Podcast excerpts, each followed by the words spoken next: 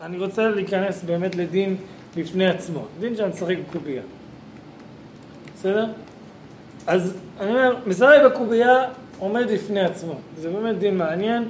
אני אומר, מה, מה השאלות שאפשר יותר לשחק בקובייה? זה קודם כל, האם מותר לשחק בקובייה בלי שום קשר ל... אולי זה איסור בפני עצמו, אולי זה איזשהו מין אה, גדר בפני עצמו. אפשרות שנייה, שיש כאן גזל. ואפשרות שלישית, שיש כאן משהו שלישי שבעצם כן מאפשר את זה. שמה השאלה הגדולה? האם מותר לעשות הגרלות, להשתתף בהימורים, לעשות לוטו, כל הדברים האלה. כן, אז זה באמת אה, שאלה מעניינת, זה גם מאוד מעניין. אני הופתעתי קצת למעשה מהפוסקים בבני דורנו, אני חשבתי שזה יותר אה, ברור, אבל באמת סוגיה מרתקת כאילו במורכבות שלה. אז באמת, עיקר הסוגיה, לפחות הלב שלה, איך צריך להכריע, זה הגמרא בסנהדרין. כן, הגמרא, המשנה שראינו אותה קודם, כן, שהמשחק בקובייה הוא מרשימת הפסולים, שרבי יהודה מסיים אותה, כן, זה מקור א', ומתי? בזמן שאין להם אומנות אלא הוא, אבל יש להם אומנות שלא הוא כשרים, זאת אומרת, מה אפשר להבין מכאן? המשנה הראשונה, מקור א', מה שראינו קודם, אני פשוט חזרתי אחורה. כן? מה רואים מכאן? שזה איסור או לא אסור? לכאורה, אם... זה לא אסור. למה?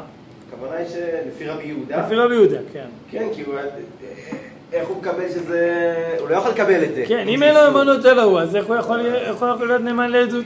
הכוונה היא ביושבי קרנות, באנשים שלא עושים כלום. כן, הבעיה היא זה כאילו לכאורה אם הוא אמר את זה על כל הרשימה, הוא אמר את זה דווקא על משחק בקובייה, כי הוא אמר את זה כל הרשימה זה קצת תמוה להגיד שמלווה בריבית אין בו איסור, כן? כן, כן, תבין שכל הדברים האלו צריך לצמצם אותם לאיסורים דה רבנן, הגמרא מדברת על זה, אבל לא ניכנס לזה. ספציפית משחק בקובייה נחלקו בזה המוראים. גמרא, אני עכשיו אני קופץ מה קורה, משחק בקובייה, מה יקבין? אמר רבי רמי בר חמא, משום דעה באסמכתא, ואסמכתא לא כאן, זאת אומרת, מה הבעיה כאן? הבעיה כאן זה מושג הלכתי רחב שקובע שמה שאדם סומך, שהאסמכתא לא כאן, מה זה אסמכתא? אסמכתא זה שאדם אומר, כן, אתה שואל מישהו, אפשר לקחת את האוטו שלך? אז אתה אומר לו, כן, הוא אומר לו, אבל אני חייב אותו מחר. הוא אומר, אני לא אביא לך אותו מחר, אני אשלם לך אלף שקל. מה הוא התכוון כשהוא אמר, אני אשלם לך אלף שקל? שהוא ממש רוצה אותו. שאני אחזיר אותו בזמן, נכון. כן. כן, אל תדאג, אני אחזיר אותו בזמן.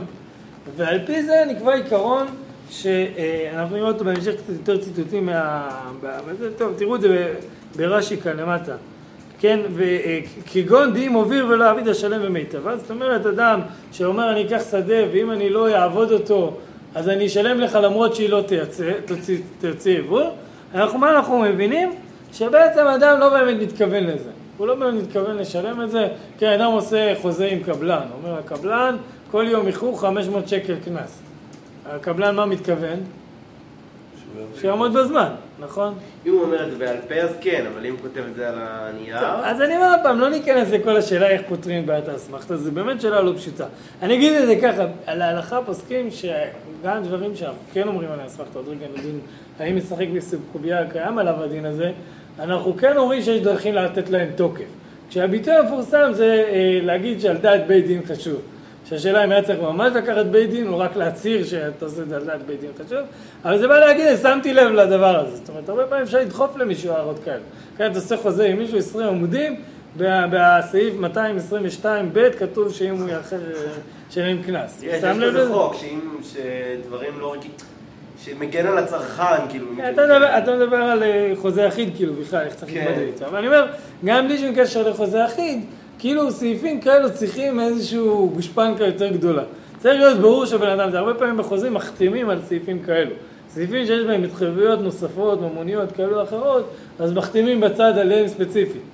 אני אומר, בהלכה, בטפסים שמישהו מחפש למנות, מה זה שיחפש? כולנו צריכים לעשות את זה, אבל אם אדם עושה חוזה על פי הלכה, והוא חושב, ויש הרבה סיטואציות שאסמכתה בעולם, כי זה לא דבר, הרבה פעמים אנחנו עושים משהו, אומרים, אם לא, נעשה ככה. וכולנו לא באמת מתכוונים להגיע לשלב הזה, אז זה לפי ההלכה הפשטות אסמכתה. אז אתה יכול לבוא ולהגיד בחוזה עצמו, עשיתי את זה בקניין, בקניין, לעשות קניין ממש, קניין, מה שנקרא קניין סודר, ולהגיד, אני כן שמתי לב לזה, ואני עושה את זה קניין על דעת בית דין חשוב, כותבים את זה בשטרות, ואז אפשר לתת לזה תוקף.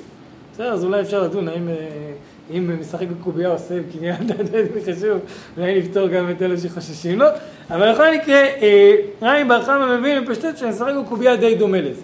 לכאורה אפשר למצוא הרבה הבדלים אגב, מה ההבדלים לדוגמה? אנחנו נראה אותם עוד בראשונים, אבל הם צריכים לראות כבר כאן בכסברה.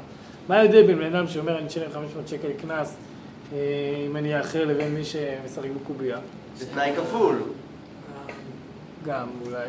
במקרה של המשחק בקובייה הוא נכנס למערכת שהיא קיימת. כלומר, טוב, זה באמת תלוי בסיטואציה, אבל לדוגמה, אם כבר מלא חבר'ה בישיבה משחקים פוקר, אז לשחק שוב פוקר, אתה לא יכול להגיד, לא הייתי מודע לחוקים של המשחק. זה לא לא הייתי מודע לחוקים של המשחק, זה שאמרתי אבל לא התכוונתי, זה בערך ההסבר של המושג אסמכתה. שאמרתי אבל כולם היה ברור שלא התכוונתי לזה. התכ... לא, כי מה שככה התכוונתי לנצח.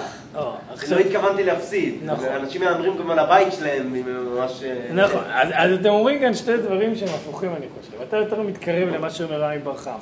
שאומר, אה, לא התכוונתי להפסיד, אז מאוד דומה לאסמכתה, לא התכוונתי לשלם קנס. כמו שאתה אומר, מה, סיכנתי את הבית שלי, כנראה חשבתי שאני ארבר.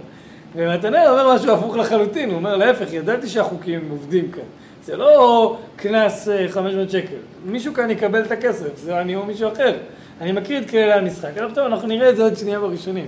אבל אני בא להגיד שזה לא דבר טריוויאלי להשוות בין דין אסמכתה בעולם החוזים הקלאסי לבין דין משחק בקובייה. בסדר? הרב ששת אמר הכל כי גם עליו אסמכתה היא. כן, הוא לא מסביר למה, אבל ההסברים שנתנו כאן יכולים לתת את זה, והראשונים באמת מביאים אותם.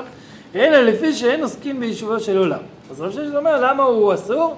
בגלל שהוא לא עוסק ביישובו של עולם. מה הבעיה של רב ששת? להגיד את זה על, על המשנה. מה הבעיה של רב ששת? להגיד לפי שאין עוסקים ביישובו של עולם.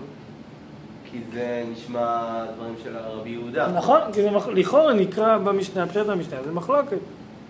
אז אומרים, מהי בינה? יויקה בינה ודגמר אומנות זה יכריע. זה, סליחה, קודם כל זה מבדילים ביניהם. אומרים, יוצא למעשה שאשת רמי בר חמא אסור לשחק בקובייה גם לבן אדם שיש אומנות אחרת. כן, גם לבן אדם שעובד כל יום אסור אה, אה, לשחק בכלל. ולפי אה, לפי רב ששת, גם אדם שיש לו אומנות יכול לשחק בקובייה, כי בעצם אין כאן עניין של אסמכתה. כן. בסדר? אז אומרים באמת מה שאתה הקשת, הקדמתי את הקושייה. ותנן אמר רבי יהודה אם אתה יזן של האומנות אלא הוא, אבל יש לו אומנות שלא הוא כשרים, עלמא תמא דמתיני משום יישובו של עולם הוא, כאשר רמי בר חמא, תימא פליגי רבנן על רבי יהודה, כאילו הנקודת מוצא היא שרבי יהודה הוא כדעת תמא, כן? ככה הגמרא בונה את זה. זאת אומרת, למה לא תגיד שאולי חכמים חולקים על רבי יהודה, כמו שהיינו קוראים בפשטות המשנה, ואמר רבי יושב בן לוי, כל מקום שאמר רבי יהודה, אם מתי יבומר, אינו אלא לפרש דברי חכמים. רבי יוחנן אמר, אם מתי לפרש, ובמה לחלוק. אבל במקרה שלנו, מה אמר רבי יהודה? מתי? מתי. אז זאת אומרת שגם לשיטת רבי יוחנן וגם לשיטת רבי יושב בן לוי זה תבנית שבו רבי יהודה מפרש את דעת חכמים. ולכן זה מחזק את שיטת רב ששת, שזה לא יכול להיות אסמכתה, כי לכאורה מי שעוסק ביישובו של עולם, מותר לו לשחק בקובייה, או לפחות לא פסול לעדות. בסדר? ודכולי עליהם מתי יפרשו, אז אומרים גברא גברא כרמית, מה סבר פליג? מה סבר לא פליג? זאת אומרת, אומרים ל... כן, מה אתה מקשה על רבי בחמא? אז הוא חלק על רבי יוחנן וריש לק ורבי יושב בן לוי. זאת אומרת, יש כאן מחלוקת עקרונית איך צריך לקרוא את, שתת, את המשנה, אבל בכל מקרה יצאנו שרוב האמוראים בגמרא הזאת, לפחות מה אומרים? שכל הפסול שמשחק בקובייה, מהו? שאין לו שאין לו מונות אלוהו. זאת אומרת שבשל הדברים אין כאן אסמכתה. עכשיו השאלה היא מה, מה למעשה. אז א' כל גם למה אין כאן אסמכתה, וב' כל מה למעשה. אז... רגע, שרוב האמוראים אומרים שאין כאן אסמכתה ש... כן, שאין כאן אסמכתה, כי הפסול הוא משום, ש... משום יישובו של עולם. לכאורה רבי יהושע בן לוי ורבי יוחנן מסכימים עם רבי חמא. לא, הם מסכימים עם רב ששת. כי הם שתיהם אומרים שרבי יהודה מפרש את דעת הנקמה. כן, ככה צריך לקרוא את זה. בסדר? רבי יהושע בן לוי בגלל שהוא אומר שגם בבמה וגם באימתי, ורבי יוחנן כאן במקרה הזה מסכים, כי כאן כתוב אימתי. אז, אז לכן זה לשיטת שניהם כמו רב ששת. בסדר? אז רש"י מסביר למה אין כאן אסמכתה. לכאורה אה, זה יהיה דומה לאסמכתה. אז רואים כל קו גם עליו אסמכתה הוא, ואיך ידע מי אסמכתה? כגון דאם עביר ולא אביד השלם במיטבה, כן, זה מה שאמרנו קודם. כשעולם החוזה, אדם עושה חוזה, אומר, הבן אדם הוא, הוא, הוא, הוא בעצם מתחלק, איך זה עובד? הוא כאילו אריס, הוא לוקח שדה ועובד אותה, וחלק הוא מקבל וחלק הולך לבעלים. אז בעלים אומרים, אני רוצה ביטחונות, אם אתה לא תעבוד בה, אז אני אפסיד את כל הכסף, את השנת העבודה שלי. אז הוא אומר, אל תדאג, אם אני לא אעבוד, אני אשלם כאילו היא כולה מלאה. על זה נקרא אסמכתא, כי זה מה מניחים, שאריס אומר, ברור שאני אעבוד. ולכן זה אסמכתא. וכגון משליש את שטרו דגט פשוט, דסומך על עוד דבר, דסבור כל זה בידי לעשות. כן, אומר, מה בעצם משפ... גורם לאסמכתא להיות בעייתית? שההנחה היא שאדם יודע שהוא יכול לעמוד במשימה. כיוון שהוא יודע שהוא יכול לעמוד במשימה, מה הוא חושב? אני לא לעולם לא אשלם את זה. ולכן הוא לא באמת עשה קניין על ההסכמה הזאת. זה מה שנתנאל אמר, שהוא נכנס למערכת שהוא בעצם יודע שהוא יכול להפסיד. כן, הוא מרשע כמעט נהדרת דלא אוהב לאסמכתא קמאת. דתועד וסבור ולא עבוד לכך. זה עד כאן המקרים שאסור. אבל לאחר, זה בדיוק מה שנתנאל אמר, לא סמי חמידי. די לא עדיין, נצח היא לא נצח. זאת אומרת, למה הולך לשחק קוביה? מה הוא יודע? איך הוא יכול לנחש שהוא ינצח? ואפילו אחי אתני. שמע מינה מספק אתני גמר ומקנה ולא גזלה. זאת אומרת, אדם יתנה את התנאי הזה למרות שהוא יודע שהוא תנאי של ספק באופן ברור, הוא לא יכול אה, להגיע לוודאות ולכן אין כאן אסמכתא. באופן כללי שיטת רש"י מצוטטת גם על ידי תוספות בכמה מקומות ועל ידי הראש, זו שיטה מאוד מוסכמת לעשות חלוקה אה, כאן בנושא הזה, לא, לא ניכנס לכל הדיוקים. מה שמעניין כרגיל זה הרמב"ם, שעושה לנו עניין. זאת אומרת, אם היינו מסיימים את הסוגיה כאן, מה היינו אומרים? טעם המשחק הקובייה לא שייך לגזל מדבריהם, אין כאן איסור מפני דרכי שלום, אני אגיד את זה אפילו קצת יותר מזה, מאוד שונה ממה שתיארנו קודם. כי תיארנו קודם שדרכי שלום מה הם? מה שהנורמה החברתית חושבת שזה שייך למישהו. במשחק קובייה מה הנורמה חושבת? שזה כן שייך לשם שזכה. אז כאן אין את המטיב הזה, אלא מה החשש הגדול הוא? שאנשים שלא עוסקים בישיבה של עולם, מה הם עושים? הם הופכים לזלזל ברכוש, וזה כאן כאילו קריאה קצת למה שאתה אמרת. למה הפסול הזה לעדות? בגלל שאומרים, אדם שחי רק מהימורים, מה קורה לו? הוא מזלזל בכסף, כאילו הכסף קופץ, עולה, קופץ, עולה, הוא לא, הוא לא, אין לו תפיסת בעלות מספיק טובה, וגם, וכאן אני חושב, נקודה מאוד מרכזית, שאדם כזה לרוב ירמה. למה הוא ירמה? כי הוא אוכל, הוא רוב הסיכוי שהוא לא יצליח, זאת אומרת, הרי רוב האנשים מפסידים, נכון? זה כלל בסיסי בהימורים, כן, תלמדו, כן? מפעל הפיס מרוויח הרבה כסף, נכון? מה זה אומר? שרוב רובם, 99 אחוז, 99 אחוז מהאנשים, מה עושים? מפסידים שם הרבה כסף, כל שנה, כל הזמן. אז כאילו הנקודת מוצא היא לא שיצליחו. ולכן אני אומר, אדם שחי בתוך עולם ההימורים, נופל ויורד למקומות שהם חשש שהוא לא, כבר לא מסתכל על רכוש בצורה ראויה. אז עד כאן אני אומר שיטת רש"י, ואז נגיד מה יהיה הדין הפוך, האם יהיה מותר לשחק קובייה למי שלכתחילה, למי, ש... אה, למי שכן עובד? כן. בסדר, אז, אז תסתכלו, אני רק, תסתכלו רגע במקור י' בתוספות, התוספות נורא שאומר את זה ככה, אמר רבי יהודה מתי בזמן שאין לו אמנות, אבל גם מעסקינן דפליגי רבנן דרבי יהודה הלכה כרבי יהודה, זה פסיק בפרק זה בורר, אמר רבי אבאו הלכה כרבי יהודה, ומכאן משמע דשארי לשחוק בקובייה. כאן התוספות באמת מבין שאם אתה פוסק כמו רבי יהודה, אה, אה, לא ניכנס לסוגיה בעירובין בדיוק מה נאמר שם, אבל אם אתה פוסק כמו רבי יהודה, אז בעצם מותר, לה, מותר לשחק בקובייה, אין בזה חששות של גזע. הרמב"ם הוא יותר מאתגר, כדרכו, אומר ככה, משחקים בקובייה, א' כל שימו לב, הוא עשה את זה ברשימה של, ה, של הגזל מדבריהם, בני דרכי שלום, או לפחות הקבוצה הזאת של המשנה בגיטין. כיצד? אלה שמשחקים בעצים או בצורות או בעצמות וכיוצא בהן ועושים תנאי ביניהם שכל נוצר את חברו באותו צחוק ייקח ממנו כך וכך הרי זה גזל מדבריהם כן, איך הרמב"ם קורא לזה? גזל מדרבנן. כן, אז בעצם מה זה? זה אסמכתא או לא אסמכתא? אה? זה, אמרנו שאסמכתא זה לא אוכל. מה זה לא? אסמכתא זה גזל דאורייתא. זהו, אתה עולה כאן משהו. אתה אומר, מצד אחד הוא קורא לזה, הוא כן משתמש כאן בעולם במוטיב של הגזל, סימן שהוא לא מבין שזה רק עניין של יישובו של עולם. מצד שני הוא קורא לזה גזל מדי רבנן, אז רק רגע, אז תחליט. אם זה אסמכתה, זה גזל מדאורייתא, אם זה, אם זה לא אסמכתה, אז רק מפני דרכי שלום. אף על פי שברצון הבעלים לקח, הואיל לקח מול חברו בחינם דרך סוק והיטל, הרי זה גזל. אז מה בעצם הרמב"ם אומר? כי הרמב"ם לא משתמש במילה אסמכתה, הוא לא משתמש במילה של, בבעייתיות המובנית של, ה, של המשחק בקובייה. וכן הסדקים בבהמה, בחיו ובעופות שעושים תנאי שכל תרצח או תרוץ יותר ייקח מחברו כך וכך, כל כיוצא דברים האלה, הכל אסור וגזל מדבריהם. כן, אז עמדת הרמב"ם די ברורה, שלכאורה זה אסור, אבל אסור מדין גזל מדרבנן. כן. לא מדין, לכאורה לא מדין אסמכתא, אבל גם לא מדין ישיבות של עולם. הגמרא לא אומרת שם שזה גזלה מדרבנן, כל... פסול לעדות שכל מישהו... לא, הגמרא שם אומרת שזה פסולים מדרבנן, היא לא אומרת שהקטגוריה כאן היא גזל מדבריהם. כאילו יש פסולי עדות דאורייתא ופסולי עדות דרבנן. זה, זה, זה גמרא מעניינת בפני עצמה, כי המשנה בשתי המקומות, זו משנה שהיא כפולה, היא מופיעה גם בראש השנה וגם בסנהדרין. וזה חלק מהדיונים שם, מאיפה לומדים שזה דרבנן ולא דאורייתא? בגלל שבמשנה בראש השנה כתוב כל עדות שהאישה כשרה לה הם כשרים לה. אז מבינים מזה שזה רק פסול מדרבנן ולא פסול מדאורייתא. כי גזלן ממש הוא פסול מדאורייתא גם לעדות לה. בסדר? אבל בכל מקרה הגמרא שם מעריכה, כאילו זה, אבל אני אומר בסוף זו שאלה אם רמי בר חמא עדיין יכול להגיד שזה דאורייתא, אם אתה סובר שזה אסמכתא, אז תגיד שזה בראש של הדאורייתא, ותפתור את הגמרא בראש- שנה אחרת. בכל מקרה, מה שאתה אומר זה אולי באמת הסיבה של הרמב"ם, למה הוא אמר את זה.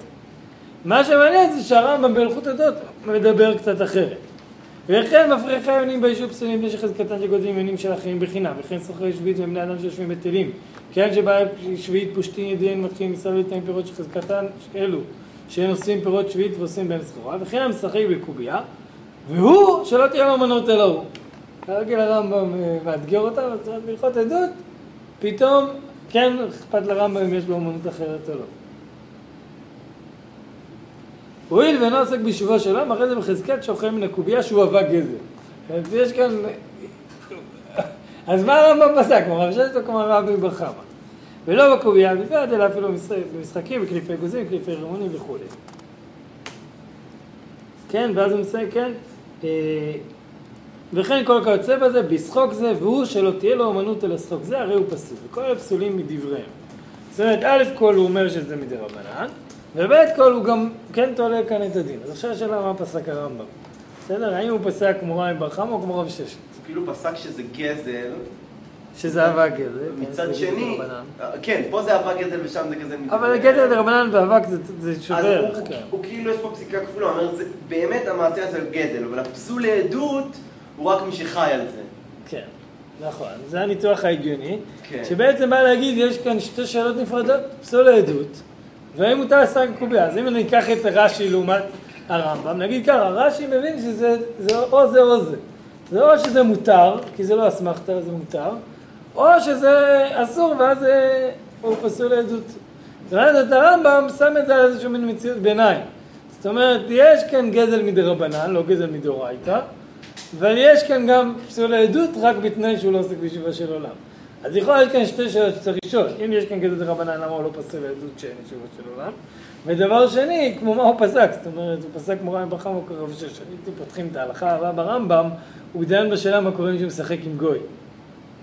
ושם רואים איזשהו דיון בעצם שמשלב ביניהם, וזה אומר על ממון חברו. וזה הכיוון שהבית הספר הולך איתו, עוד שנייה אנחנו נדבר על זה. וגם הדרך שחוק והיטל, שזה...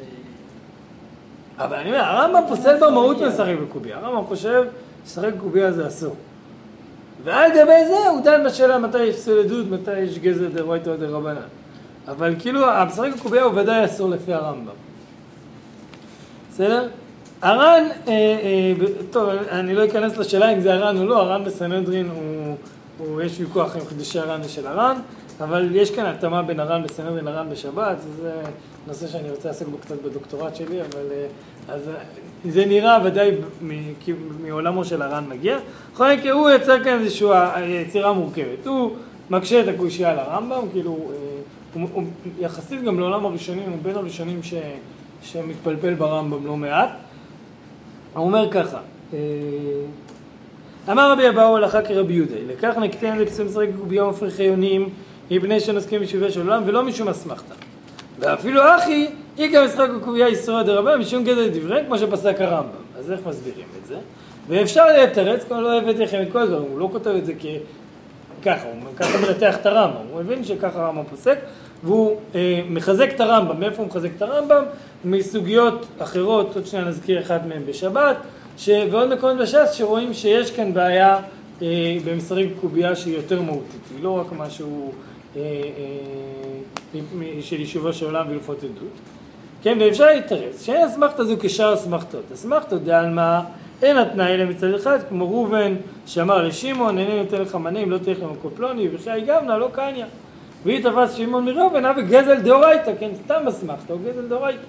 אבל אלו המשחקים בקובייה, התנאי הוא משני צדדים. אם תקדים עיונך ליוני, תרוויח. אם יקדים עיוני עיונך, ארוויח. זאת אומרת, יש כאן כאילו דו צדדיות. ומתוך שזה רוצה לקנות וזה רוצה להקנות, אין בו איסור אסמכתא דאורייתא. לעניין שאם תפסה זה מזה בחוזקה בדרך דין השחוק שיהיה בו גזל דאורייתא, אלא איסור דרבנן בלכות. זה היינו גזל דבריהם. זאת אומרת, מה אומר כאן הר"ן? הר"ן מחדד למה זה גזל דרבנן, זה אסמכתא או לא אסמכתא? אסמכתא דרבנן. זאת אומרת, הוא אומר צריך גם באסמכתא לפצל, סתם אסמכתא זה לא סתם דין נחמד, זה דין דאורייתא, שמי שלוקח את זה הוא גזלן. כן, אם אדם עשה תנאי שאנחנו מגדירים אותו לפי ההלכה כאסמכתא, ולקחת את הכסף, אז מה אתה? גזלן. אז, אז אומר לך הר"ן, כשהתנאי הוא כפול, אז אי אפשר לקרוא לך גזלן, אבל אלא מה? עדיין הבן אדם לא באמת יקנה את זה, כן? אדם ששם את הבית שלו, כאן הם מתחברים שתי עולמות, גם של, אה, כאילו, גם של, של, של מי שזורק, מה? אתה יכול לחזור על החילוק שהוא עושה? הוא אומר ככה, יש אסמכתא דאורייתא, שזה במקרה של חוזה שדיברנו עליו. אם עוביר ולא אביא זה שלם כמיטבה. זאת אומרת, אדם שאומר, אני, אם אני לא אעמוד ביד, אני אביא הרבה. זה אף אחד לא חושב שהוא באמת התכוון לזה. או לפחות במקרה שהוא לא עשה על זה איזשהו תוקף מסוים. לעומת זאת, מקרה של זרק בקובייה, הוא כן מתכוון לזכות. אף אחד לא שם את הבית שלו על דעת להפסיד אותו. אלא מה? הוא גם יודע שהצד השני יכול לזכות. בגלל זה נהיה כאן מציאות ביניים שהיא אסמכתא דרבנן. ולכן גם אפשר להסביר למה זה מנוי ברשימות של הדרבנן. כך הוא בעצם מציע לפרש ברמב"ם. וכמה זה לא משמע לעולים של ימי אביד איסור, אפילו דרבנן, אין ראוי שישחקו במקובייה אפילו מדברי, אלא אם כן אין להם אומנות אלא הוא. כאן הוא בעצם מיישב את השאלה השלישית, בעצם יש לנו כאן שתי שאלות כפולות. שאלה אחת, האם פסול עדות נובע מאיסור חמור, מאיסור, אה, אה, מגזל? והדבר השני זה, כאילו למה, סליחה, יש כאן שתי שאלות ברמב"ם. אחד, למה זה דרבנן ולא אסמכתא דאורייתא? והשאלה השנייה, למה בהלכות עדות, בשונה מהלכות אה, גזלה, הוא, הוא כן מכניס את יישובו של עולם. אז התשובה של הר"ן היא כזאת, לעניין אה, הלכות אה, גזלה שהוא קרא את אסמכתא דרבנן, זה בגלל אותו מצב ביניים שנוצר כאן. לעניין השאלה למה בהלכות עדות מעניין אותנו אם הוא עובד או לא, הוא אומר גם בהלכות עדות אנחנו חושבים שאסור רק לשחק בקובייה גם אם אתה עובד, אלא מה? שפסולי עדות יש בהם כלל שאם אדם חושב שהדבר מותר וזה איסור דה רבנן, אז אנחנו לא פוסלים אותו לעדות. כן? זה, זה עיקרון שקיים בהלכות עדות. אז הר"ן לוקח את העיקרון הזה ושם אותו על הרמב"ם כאן. הוא אומר, בעצם האנשים שעוסקים רק בזה, אז בעצם אנחנו פוסלים אותם מדי רבנן כי הם אה, לא, הם לא נאמנים בעדות, הם לא נאמנים באמונות. אבל אדם שהוא לא עוסק רק בזה, אז הוא פסול בגלל שהוא... אה, אה, שהוא, אז הוא לא פסול למרות שהוא עובר על איסור, בגלל שהוא לא חושב שזה אסור. בסדר, זה עיקרון שקיים בהלכות עדות, כן, אה, אחת הדוגמאות שאני יכול להביא, זה, כן, הרב ראם תמיד אומר שמי שמעשן סיגריה הוא פסול לעדות, אז לכאורה זו השאלה, אם שן סיגריה היא דאורייתא, אז לא מעניין אותנו אם אתה חושב שזה מותר או אסור. אם זה רבנן, יכול להיות שכשאנשים חושבים שזה מותר, אז, לא, אז הם לא נפסלים לעדות. יש עיקרון כזה בהלכות עדות. דרבנן. כן, שאם זה דרבנן, אז, אז גם אם אנשים, אם אנשים חושבים שזה מותר, למרות שהם טועים, ואנחנו יכולים כבית דין להגיד טעיתם, עדיין אנחנו יכולים להאמין לדברים שלהם בהקשרים אחרים. אה, בסדר, אז זה שיטת הר"ן.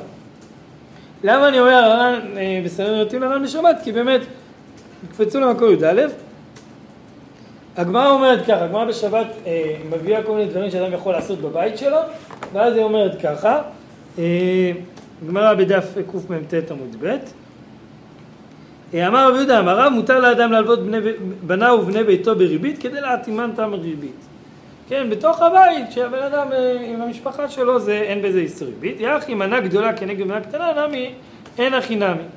זאת אומרת, מותר לתת גם, אה, לעשות מסחרה בתוך הבית, בין מנה גדולה למנה קטנה, ואין בזה אה, בעיה של אסמכתה וכולי. אז אומרים, אה, ואומרים, אז יחסו עם 11 וארי קטנים, מפיץ אדם עם בני- ביתו על השולחן אפילו מנה גדולה כנגד מנה קטנה. מה זה מפיץ אדם? זה פיס, כן, עושה הגרלה. אדם אומר, עושה הגרלה, מי יקבל את ה... כן, הילדים רבים, מי יקבל את, ה, את המנה הגדולה, את הסוכריה, לא יודע מה, יש שתי סוכריות, אחת אה, יותר משובחת, אז בא, לוקח את הסיכת ראש, עושה הגרלה. אז רגע, רגע, אסמכת לו קניה, מה פתאום אתה עושה הגרלה? אסור לעשות, אה, אסור לעשות אה, הגרלות. אז אומרת הגמרא, אם בני ביתו מותר. כדי רבי יהודה אמר רב, אם בניו עם בני ביתו אין, עם אחרים לא, לאחרים אסור לעשות את זה. זאת אומרת, אם יש לי, אני בוס, ואני מחזיק, אה, ואני רוצה לתת הטבות לעובדים שלי, אבל יש לי הטבה יותר טובה ופחות טובה, אז אני אומר, טוב, בואו, מי שיבחר את הסיכה הנכונה ירוויח, אז זה אסור. בבית מותר, במקומות אחרים, בעסקים זה אסור. מה איתמה? כדרבי יהודה אמר שמואל, מנה גדולה כנגד מנה קטנה, אף בכל האחרים אסור, מה איתמה משום קובייה. כן, אז מה, מה הגמרא בעצם אומרת כאן? שזה נחשב למשחק בקובייה לעשות פיס.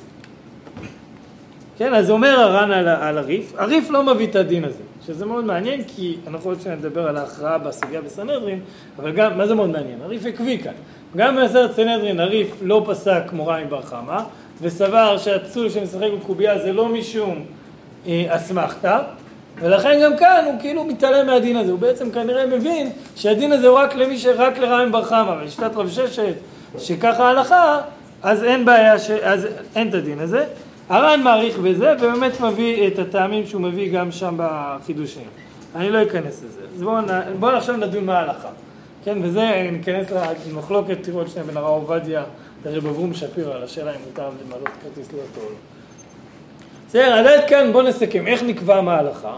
א' כל, הרמב"ם יצר כאן הלכה מורכבת, רש"י לכאורה נראה ממנו הלכה יותר פשוטה, באמת הבית יוסף אה, אה, אה, מביא, כן, אה, את התבנית הקלאסית שלו, הוא דן מה אומר הראש, מה אומר הריף, מה אומר הרמב"ם ומה אומר ככה, הוא מצטט את אה, אה, מה שכתב אדוני אבי, כלומר זה ציטוט של הטור של הראש, פוסק שאינו פסול אם כן לאמנות אחרת, ואותו פסול אפילו משחק עם הגוי.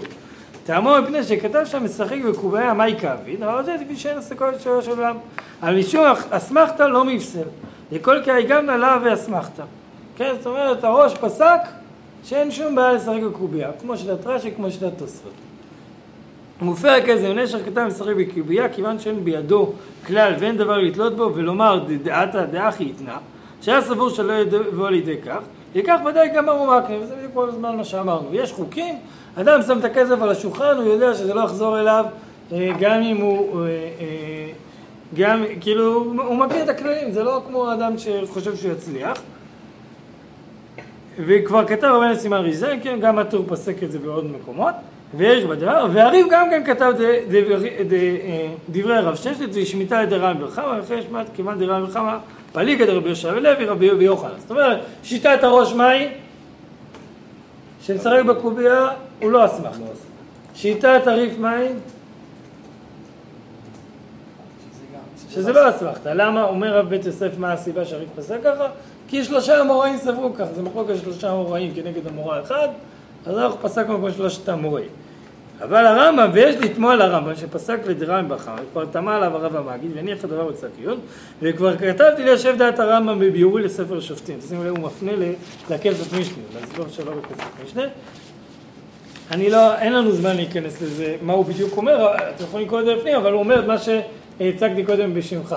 הוא אומר ככה, הרמב"ם, מה שהרמב"ם דן, זה האם, אה, הוא אומר, האם אה, אה, איסור מסרב בקובייה זה גזל מדבריהם, ולכן אומר הרמב"ם, שאולי עם גוי, מי שעוסק ביישובו של עולם, אין בעיה. כן? אדם שעוסק ביישובו של עולם, שעושה עם גוי, אז מה הבעיה שנשארה לנו? רק גזל מדבריהם, אז כאן זה בסדר. ככה אומר הרמב"ם. אז אומר הבית יוסף, איך ניישב את הסתירה בין הלכות עדות להלכות אה, אה, גזלה ואבדה? שכשבהלכות עדות הוא, אה, שכשבהלכות עדות הוא אמר שזה, גז- ש, שזה תלוי ביישובו של עולם, על מי הוא דיבר? על מי שמשחק קובייה עם מי? עם הגוי. וכשהוא אמר בהלכות גזלה שזה אסור לגמרי, ולא תלוי ביישובו של עולם, הם יהודים. כי באמת זה הלכה שם, כן, בהלכה הבאה הוא מביא את הגוי. בעצם ככה בית יוסף פותר את הסתירה הזאת. מה שמעניין זה שמה הוא פסק בשולחן ערוך. כן, אז אה, מה, מה אומר השולחן ערוך? א' כל הוא מתחיל בלצטט את הרמב"ם, זאת אומרת הוא מביא ממש לשון הרמב"ם בהלכות גזלה, יש דברים שאסור לך משום גזל העובר עליהם הרי זה גזלה מדבריהם, ומבריחי עונים משחקי קובייה וכולי, ממש מביא את המשחקים בקובייה, כן, ומביא את המשחקים בקובייה כיצד אלה שמשחקים בעצים זה הלכה ב', ממש ציטוט של הרמב"ם, כל מה שאמרנו, וכן כל כיוצא באלו הכל אסור וגזל מדבריהם. ואז הוא אומר ככה, יש מי שאומר שמשחק עם קובייה עם גויים, אין בו משום גזל, אבל יש בו איסור עוסק בדברים ביתיים שאין ראוי לאדם שיעסוק כל ימיו, ולזה דברי חוכמה ואישורו של עולם, וחלקו אבל לומר שאינו פסול, אם כן אין לו אומנות אלא אחרת. עכשיו זה קצת מוזר, כי זה לא כמו אף אחד. כן? כי זה לא כמו הרמב"ם, כי הרמב"ם אצל גויים מחלק ביישובו של עולם. גם הרמב"ם מסכים שאם עוסק של עולם הוא לא פסול. וזה לא כמו הראשונים האחרים שפסקו שבכלל זה מותר. מי כן פסק כמו הראשונים האחרים? ככה אומר הרמ"א. אבל אם יש לו אומנות אחרת, אפילו משחק עם ישראל אינו פסול. וכבר פשט המנהג כסברה האחרונה לשחוק בקובייה ואין פסול אלא מי שאין לו אומנות אלא הוא. אם שיחק עמו באמונה, אם חייב לשלם, אין לכוון סמריש זין, זה כבר הרחבה לכל זה. אז בעצם הרמ"א ודאי פסק כמו האשכנזים, כמו רש"י, כמו תוספות, כמו הטור, כמו הראש, שמשחק בקובייה אה, זה לא נחשב לאסמכתא ואין פה כזה מדי רבנן. את יוסף פשוט פסק כמו הרמב"ם. רק הוא אפילו יותר מזה הציג גם שגם מול גוי אה, אה, לא צריך להכניס את השיקול של יישובו של עולם. הרב עובדיה, אני לא אעריך את זה, ממש שואל את השאלה, אני שאלתי האם מותר מידי להשתתף בקניית כרטיסי הגרלה של מפעל הפיס. וכדרכו של הרב עובדיה, מי שרוצה לפרוס את כל הסוגיה יכול לפתוח שם, זה בחלק ז' סימן ו' ביובי העומר, אז ממש פורס את כל הסוגיה, אני ניסיתי לדייק אותה. אז קודם כל הוא מביא את המהלך שהצגתי קודם בכסף משנה. הוא אומר שהבית יוסף בכסף משנה מיישב את הרמב"ם כמו שהצגנו, שאם גוי, אה, אה, אם גוי, מכיוון שזה פסול מדי רבנן, אז זה תלוי אם עוסק ביישובה של עולם או לא, לעניין עדות, ואם יהודי זה תמיד אסור. ואחרי זה מביא דעת התוספות, ואז הוא אומר שבאמת ככה פוסק הרמה. והוא אומר, והנה מרן דש בשולחן ערוך חזיק כסברת הרמב"ם, שבכל שני משפט פסק שהמשחקים מפי קובייה מפרחיונים אסור אותם חכמים משום גזל, ועובר לכך ראו גזל מדבריהם, כמו שאמרנו, מצטט הרמב"ם, אז כנראה השולחן ערוך פסק כמו הרמב"ם. אני חייב להגיד שיש כאן שאלה לכל מי שעוסק במתודולוגיה של השולחן ערוך, למה בית יוסף, הוא אמר במפורש שזה מחלוקת ריף וראש בצד אחד ורמב"ם בצד שני, הוא אחד בשולחן ערוך הוא את הרמב"ם. סימן שהוא לא עקבי בקביעה הזאת שהרמב"ם, אה, שהולכים בשתיים מתוך השלוש. כאן הוא הולך עם הרמב"ם בלי להתבלבל. אפילו, בוא נאמר, קצת קשה לקרוא מה בדיוק הוא אומר, אה, כי לכאורה הוא אומר אפילו יותר קיצוני מהרמב"ם. אה, אה, בכל מקרה הוא אומר, הרב עובדיה, אני קורא בסוף העמוד, יש את ג' שם, אז את שתי הפסקאות האחרונות נקרא. ועל כל פנים הרמב"ן נמשך לשיטתו שהביא דעת המורדכי להלכה שכל שאין דבר בידו כלל ולא ביד אחרים, כל המשחק בקויה וכיוצא בו זה שאינו יודע אם ינצח או לא, ודאי דגמו ומקנה מספק. לכן כשהמעות מוכנים על הדף מותר לשחק ואין בו משום הסחתא ולא כאלה שחולקים ואוסרים מכל עניין עד כאן. ואז הוא מביא בכל מקרה למה השולחן ערוך חולק. אלה כך, גם בנידון דידן, זאת אומרת בלמונות כרטיס לוטו, יש לאסור לדעת הרמב"ם מרן שולחן ערוך משום דעה ובכלל אסמכתא. והאסמכתא לא קניין, ורק להרימה יש מקום להתיר כמעט סביר כרב ששת. זה לא בכלל אסמכתא. ואז הוא מביא את ריבש, אני חושב שהריבש הזה לא משנה מה שנגיד בסוף, הוא חשוב לקריאה. זאת אומרת, גם אם נגיד שהרימה מתיר את זה, זה ודאי לא דבר טוב. כן, זה כמו שהעלו כאן, אנשים מתמכרים בזה ו, אה, ומאבדים את כל רכושם על זה. כן, וזה מה שאומר הריבש, שהשחוק בקובייה יש בו איסור לכל העלמא, ואפילו לרב ששת ספירא לדלקה אסמכתא בקובייה. מכל מקום, ודאי שהוא דבר מכוער ומותר ומשוקץ, כן? ומה שאמרתי קודם, ציטטתי את התוספות, אה, זה מותר. אומר ריבש, איך אתה אומר לך להגיד לי וזה מותר? עכשיו אני אגיד ככה, הריבש כאן ישמח על רבו הר"ן ועל עוד ראשונים, שמה הם אמרו? יופי להסביר שאין כאן אסמכתא, אבל יש עוד כמה וכמה סוגיות שראינו שזה דבר בעייתי. אז אתה יכול להסביר למה זה בעייתי וכל זה לא אסמכתה, אבל להגיד שזה מותר זה כבר אמירה יותר רדיקלית. כן, ורבים חללים הפיל ועצורים כל ערוגה, ואני חושב שזה היה נכון לפני 600 שנה וזה נכון גם היום, כן, שההימורים הם מסוכנים. הוא מפורש בירושלמי כל שכן ידע שלא ישחק בקובייה, אין מתירים לו.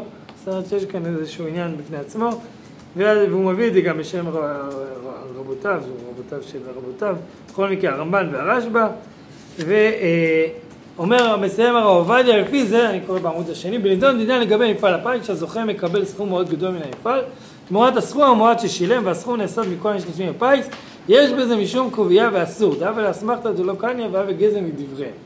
מסקנה דידינה, שהספרדים ועדות המזרח אסור להם להשתתף בקניית כרטיסי מפעל הפיס, וכל שכן כרטיסי ספורט למיניהם שמשחקים בשבת וכן שבת פרצה, שעשו מסיעה בבטרי עבירה, ואף לאשכנזים יש לאסור בזה. ושומע לנו נשקול מת. עכשיו אני אגיד ככה, יש לאסור בזה מצד... אה, מצד הדיוקים שהוא עושה באחרונים האשכנזים, שבאים להגיד שזה גם אם זה לא אסמכתה, זה עדיין לא מותר. זה לא נקרא לזה, תסתכלו למעלה, יש את הטומי כאן שהוא מביא, ויש את החושן שהוא מביא.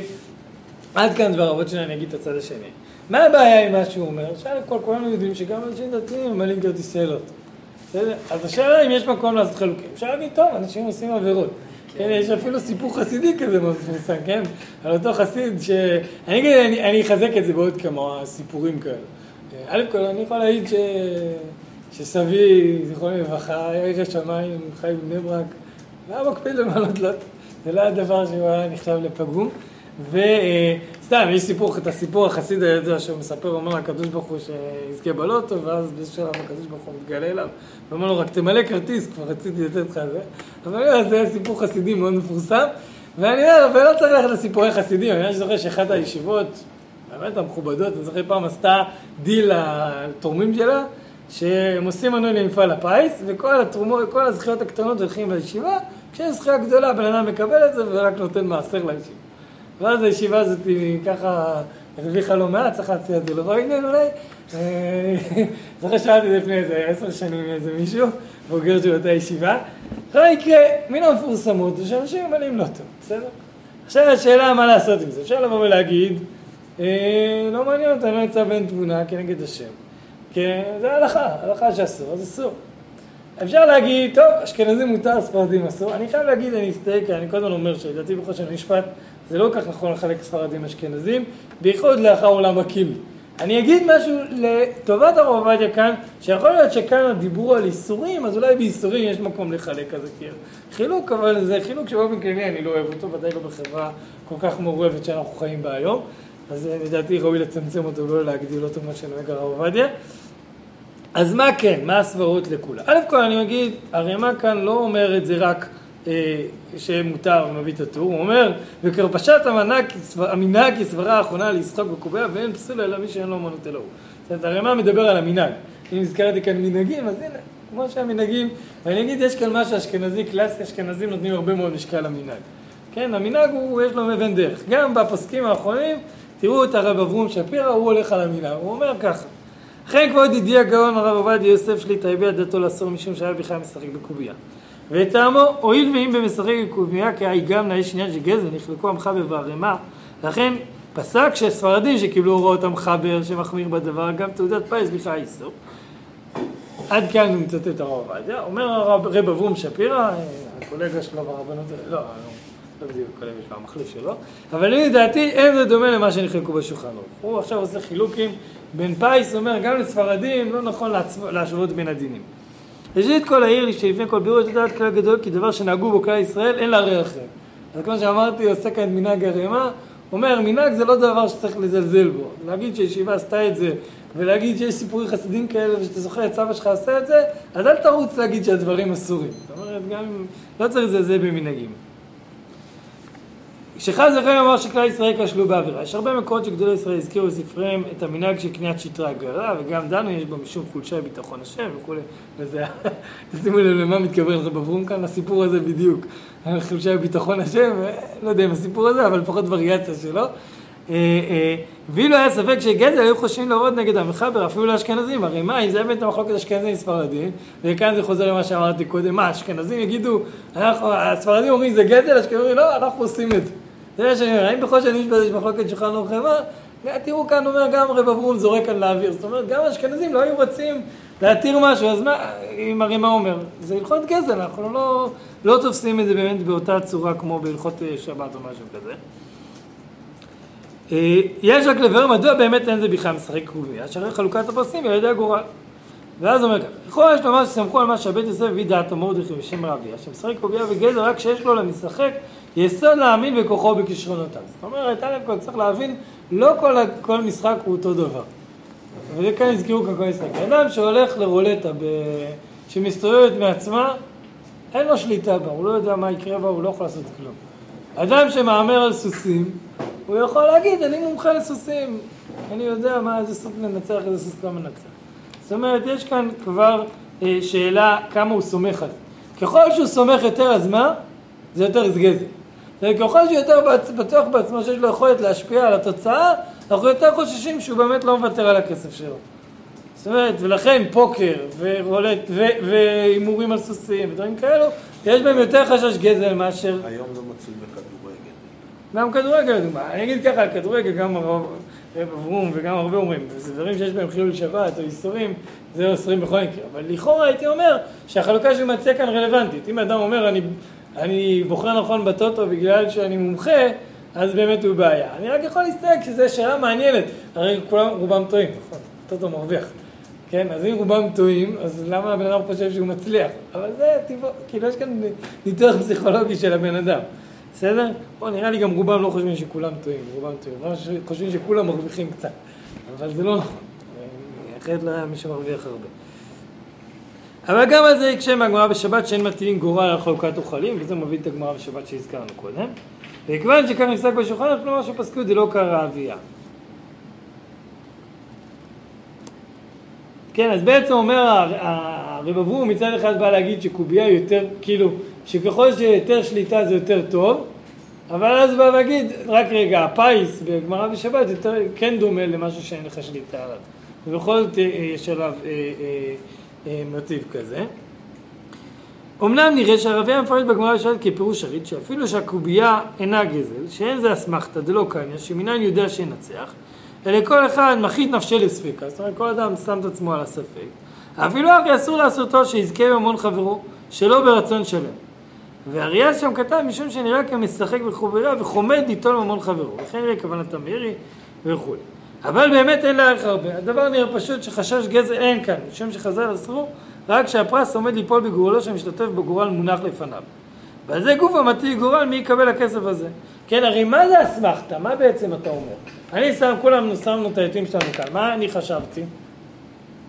שהעט הזה אני לא מוותר עליו, הוא עדיין שלי. נכון? ואני אמרתי, אני אנצח, אני בטוח שאני אנצח, העט הזה יחזור אליי. אז מה קרה לעט הזה? הוא לא הפסיק להיות שלי אף פעם. וכשמתנאל ניצח ולקח את העט, מה הוא עשה? הוא גזל אותי. זה בעצם ההבנה הבסיסית של האסמכתה. אבל אומר הר- הרב אברום, כן? ועל זה גוף גורל מי יקבל הכסף, שכל אחד משלטים מניח משלו על שולחן הקובייה, כי אז יש ספק שכל אחד בטוח בליבו שכסף זה שלו המונח לפניו יחזר לו, כן, העט הזה. היא תוספת רווח, ועל כן בעומק ליבו אינו מקנה בלב שלם, וזה נשאר שלו. ולכן יש כאן חשש גזל. אבל בהקללות אני קופץ שורה, כגון מפעל הפיס, שהכסף משולם לסוכנות המפעל, הקונה יודע בבירור שהכסף זה לא יחזור אליו, אלא הסוכן יעבירו לסוכנות המקומות, ויירשם בבנק, ואחר כך יעבירו ללשכה הראשית, ואין הקונה כל ציפייה שכסף זה יוחזר אליו. ועל כן אני חושב שמא לא התכוון להקנות את הכסף לחלוטין. כן, בעצם ה- ה- ה- רב אברום מחזיר אותנו לסוגיות, דיברנו בשפות אה, מאוד מעורבבות. הוא אומר, החשש של אסמכתה זה חשש בעולם הקניינים. כאשר אתה נותן משהו שאתה יודע שהוא יוצא מהבעלות שלך, אנחנו לא צריכים לחשוש, כי אתה לא חשבת שתקבל את הכסף הזה חזרה. ולכן הוא אומר, מפעל הפיס לא קשור לסוגיה שלנו. אה, ואז הוא אומר ככה, אבל כן חושב שמא לא התכוון להקנות את הכסף לחוטין, יש בליבו תקווה שבסופו של דבר, לאחר כמה ימים, זה כסף הקנה יגרום לו רווח כפול ומכופל, משום שהמספר שלו יזכה בסכום גדול, תקווה כזאת יש לכל משקיע בעסק. כאן אומר הרב אברום, מה ההבדל? כל העסקים הם כאלה. זאת אומרת, כל העסקים, אז שם כסף, רוצה להרוויח. תגיד שאם מכרתי לך מוצר ואז לא הצלחתי לה- להרוויח, אז אני, אז זה אסמכתה? אתה לא אומר את זה. זאת אומרת, ברגע שאתה בלב שלם הבנת שהכסף הזה כבר לא בידיים שלך, אין כאן את המקום הזה של חשש של אסמכתה. אפשר אפילו להגיד שרוב העסקים הצעירים בישראל... אה, הם דומים קצת יותר לפיס מאשר להשקעה. כן. ומשימה נוספת נגמור בזה, כיוון שהנהלת מפעל הפיס מוכרת תעודות הגרלה והתמורה היא עצמה שווה כסף ויש לה ערך כי הייתה למוכרה לאחרי, זאת אומרת אתה לוקח כרטיס, לא כתוב את השם שלך עליו, אתה יכול למכור אותו למישהו שני וגם ספרדי יוכל למוכר להשקיע נזי, שלדעת הכל אין זה בשבילו משחק של קובייה שאסורה אין זה דומה למה שמחבר עושה משום קובייה אגב זה כל המאמר שלו בתחומים, כן אם שאלתם את עצמכם אם חתכתם רב אברום, הרב עובדיה כתב כאן עשרים עמודים ביביע עומר. רב אברום כתב מאמר בתחום קצרצר, אמר זה ככה. אני, אני אגיד, אם נסכם את זה, אני חושב שהדברים של ריבש צריכים לעמוד מול העיניים. אני לא חושב שצריך להטיל הימורים כדבר גורף. ודאי לא אנשים שמשעבדים לזה ומשקיעים את אה, רוב נכסיהם. לא נכנסתי כאן אסמה, אבל אסמה דן בשאלה מה המשמעות של עוסקים בתשובה של עולם. האם הכוונה שהבטלה עצמה פוסלת לעדות, או שכשאדם לא מרוויח מספיק בחוץ ומתעסק בזה, הוא כבר בתוך הדבר הזה. זאת אומרת, מה אומר אסמה? אדם שמרוויח 5,000 שקל, והוא צריך לחודש 15,000 שקל, ועוד 5,000 שקל מנסה להרוויח בהימורים, אז הוא כבר בתוך הקטגוריה בלי למצמץ. וכאן אני אומר, צריך להיכנס למשהו שאני חושב מוסרי שצריך לבוא איתה. אני מודה, אני לא מתלהב מעולם הגרלות, מעולם הפיס. חושב שאנשים שחיים תודעה כאילו הם ירוויחו הרבה במכה, לא מספיק חיים את ההווה שלהם. ולעניות דעתי זה אולי הפשט הכי בסיסי של הדבר הזה, של עוסקים בישיבה של עולם. זאת אומרת, אדם שחי את החיים שלו במין כל היום דמיונות, מחר אני אזכה ב-20 מיליון, מחר זה, אז מה יקרה לו? הוא לא, הוא לא יעסוק בכסף שיש לו בצורה מושכלת ונכונה. הוא כל הזמן ינסה לעשות את הרווחים האלה. ולכן אני אומר, אז ההגדרה הזאת של עצמה היא הגדרה לא כל כך צרה, היא הגדרה שמכילה הרבה אנשים שמשקיעים כספים בהימורים כאלה. מצד שני אני אומר, האם אסור אדם לקנות, להגיד, טוב, אני מרוויח עשרת אלפים שקל לחודש, מאה שקל, חמישים שקל, אני אשקיע ב, ב, בעסקים, כן, כמו שאתה עושה, כן, אני לא יודע, בנק עושה לך בן אדם איך להשקיע, אז הוא בונה לך מפה, מה, כמה אתה משקיע, אז לך עשר אחוז אתה משקיע משהו עם סיכון. אז בסדר, אז אם זה באמת משהו שהוא בטווח הסיכון, שהוא לא מוציא אותך מהריאליה, אז כאן נכנס לדיון עצמו, שאני חושב ש, שהחלוקה הזו של הרב עובדיה לאשכנזים ספרדים לא כל כך נראית לי, אם כי אני מודה שהשולחן ערוך נראה מתנגד לזה במהות. כן, לא חושב שאפשר להציג את השולחן ערוך לא כהתנגדות למהות, אבל אני כן חושב שיש כאן פערים בין לוטו לבין המציאות שלנו. אני אגיד אחרת, אדם שמשחק פוקר, או אדם שמשחק דברים שכסף שהוא שם עכשיו, והוא לא מתכן שזה, זה לא כסף שעובר לחשבון אחר, אני חושב שכן נכון להגיד שזה אסור, אני לא יודע אם הרמ"א גם לא היה אוסר את זה, אבל לא ניכנס לחלוקה הזאת. אני חושב כמו רב אברום, כמו שצריך להגיד לספרדים שהם לא כאן איזשהו, טוב, אצלכם יש גזל ואנחנו מותר לנו לגזול, גם לאשכנזים צריך להגיד את זה, כמו שהוא אומר. כן, הוא גם אומר את זה. כן, שכאילו אם דבר הוא, הוא באמת כזה שהוא יותר קרוב לאיסור, אדם יותר בטוח שהוא ירוויח את זה, הדבר יותר מוחשי, הוא שם את זה עכשיו, הוא לא מוותר על זה באמת, אז באמת יש יותר חשש לגזל. לכן אני אומר, למעט כרטיסי לא טוב, אני לא חושב שצריך לפקפק על המנהג של האנשים שעושים את זה. גם זה בפרופורציה. יש אנשים שעושים את זה, והם כבר מוגדרים כמי שלא עוסקים בישיבה של עולם. איזה אנשים, כמו שאמרתי קודם, אנשים שהופכים לחיות בדמיון, שהופכים למציאות שבה ההימורים, הדמיון שלהם על הלוטו משפיע על, הק... על החיים הכלכליים שלהם, אז הם כבר נכנסים לקטגוריה שלא עוסקים בישיבה של עולם, וזה אסור בכל מקרה, גם בכרטיס לוטו, גם כשהוא מקנה, גם בכל הדברים ש... שהרי בבוא מתאר כאן. התערבויות כאן אז לכאורה זה כאילו יותר בעייתי? אגב, גם לדעת הרמ"א. התערבות, באמת, אני חושב שהתערבות היא דומה לאסמכתה לא, לא מעט. זאת אומרת, בסוף אדם אומר, בטוח במאה אחוז שמה שהוא חושב, נכון? הוא אומר, למה מתערב? כן, הוא אומר, מה, אלף שקל שאני צודק, שאני אעשה את זה הכי טוב. מה הוא חושב? שהוא לא יעשה את זה. גם הפתרונות שמציע רב אברום כאן, שנתת את זה כבר, הכסף יצא ממך, לא באמת לא הקנית, לא קיים בהתערבות, כי אתה עדיין אצלך. אתה תראה גם המון התערבויות לא נותנים. למה לא נותנים? כי באמת הבן אדם לא ויתר. כן, רק אנשים מאוד אה, ג'נטלמנים נותנים בהתערבויות. המון אנשים אתה שואל אותם מתערבים באוויר. ולכן אני חושב שהתערבות היא כן בעייתית. זאת אומרת, בוא נגיד את זה בקיצוניות, אפילו ההימורים של מישהו שאוסף את כל הרכוש וזהו והולך, יותר טובים מהתערבות. באיזשהו מקום. גם זה, אני לא חושב שזה דבר ראוי, אבל עוד פעם, בזה לכאורה מה שאומר הערימה, או מה שפוסקים לפי רש"י והתוספות, באמת תלוי כמה בן אדם חושב שהוא יודע. ככל שאדם חושב שהוא יודע, זה יותר מתקרב לאסמכתה הפסולה. ככל שהוא חושב שהוא פחות יודע, יש יותר נכון להגיד שלדעת הרימה לפחות זה מותר. עוד פעם, אני לא חושב שזה ראוי, ועוד פעם, כמובן, אם זה פוגע ביישובה של עולם, אז זה אסור בכל מקרה.